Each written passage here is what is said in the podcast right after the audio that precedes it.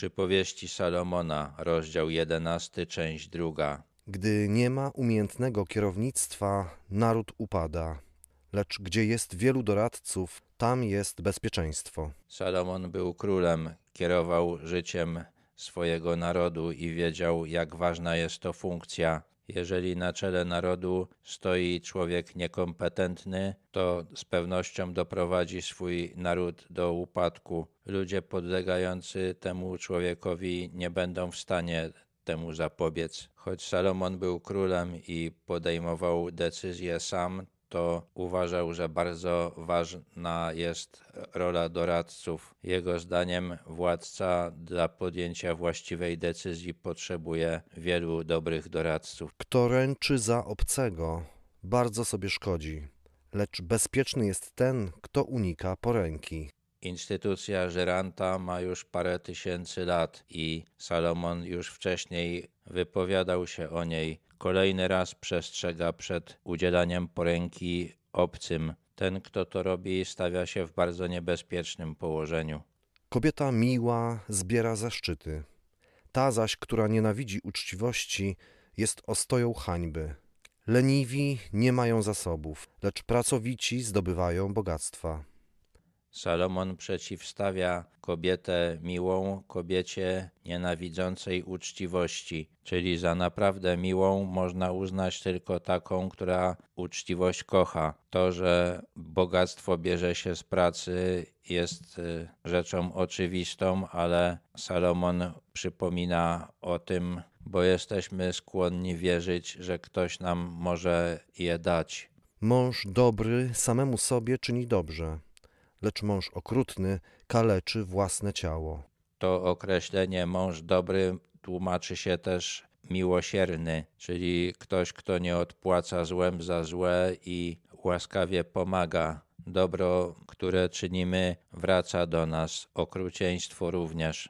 Bezbożny zdobywa złudne wynagrodzenie, lecz ten, kto sieje sprawiedliwość, ma pewną zapłatę. Kto trwa mocno w sprawiedliwości, żyć będzie, lecz kto ugania się za złem, umrze.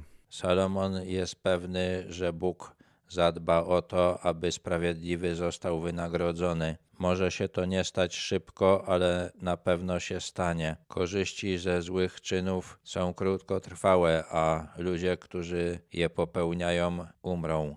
Ohydą dla Pana są ludzie przewrotnego serca lecz podobają mu się ci, którzy postępują nienagannie. To rzecz pewna, że zły nie ujdzie kary, lecz potomstwo sprawiedliwych będzie wybawione. Bóg brzydzi się ludźmi stosującymi podstęp. Podoba mu się szczerość. Zadba o to, aby podstępni zostali ukarani, a szczerzy nagrodzeni. Salomon napisał, że jest to rzecz pewna, ponieważ można o tym zwątpić. Zwykle Bóg nie działa tak szybko, jak człowiek by sobie życzył. Czasami wdzięczność za dobro pomaga dopiero dzieciom tego, kto to dobro wyświadczył.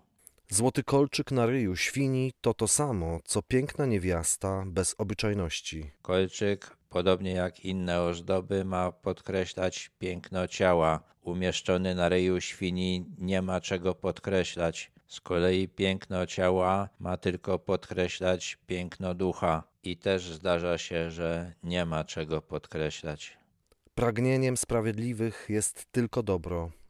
Nadzieja niesprawiedliwych prowadzi do gniewu. To, do czego dąży człowiek sprawiedliwy, podoba się wielu ludziom, natomiast źli ludzie realizują swoje plany kosztem innych ludzi i wzbudzają tym ich gniew. Jeden daje hojnie, lecz jeszcze więcej zyskuje, inny nadmiernie skąpi i staje się tylko uboższy. Kto jest dobroczynny, będzie wzbogacony, a kto innych pokrzepia, sam będzie pokrzepiony. Bogu podoba się, jeżeli pomagamy innym. Jeśli ich pokrzepiamy, taka postawa na pewno będzie przez niego nagrodzona. Ten, kto jest skąpy, nie będzie miał pieniędzy, na których mu tak bardzo zależy. Salomon był pewny, że Bóg o to zadba. Kto chowa zboże, tego ludzie przeklinają, lecz błogosławieństwo spoczywa na głowie tego, kto je sprzedaje. Myślę, że odnosi się to nie tylko do zboża, ale i do każdego daru, który dał nam Bóg. Jeśli nie obracamy tym, co mamy, to wszyscy na tym tracą. Kto pilnie szuka dobrego, szuka łaski Bożej, lecz kto dąży do złego, na tego ono spada. Salomon pokazuje, jak można zyskać łaskę u Boga i czym się kończy brak tej łaski. Kto ufa swemu bogactwu, ten upadnie, lecz sprawiedliwi rozwijają się jak liść zielony. Salomon wcześniej przyznał, że bogactwo jest jak twierdza, ale ta twierdza ma ograniczoną wytrzymałość. Dobroć chroni znacznie skuteczniej niż pieniądz.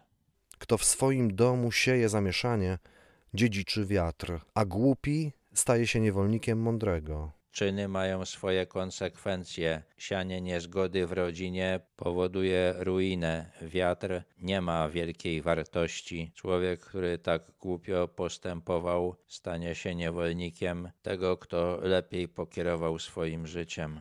Owocem sprawiedliwości jest drzewo życia, lecz bezprawie pozbawia życia. Jeżeli sprawiedliwy odbiera na ziemi swoją zapłatę, tym bardziej bezbożny i grzesznik. W liście do Galacjan Paweł zawarł podobną myśl: co człowiek sieje, to i rządź będzie. Nastąpi to jeszcze zanim staniemy przed Bogiem.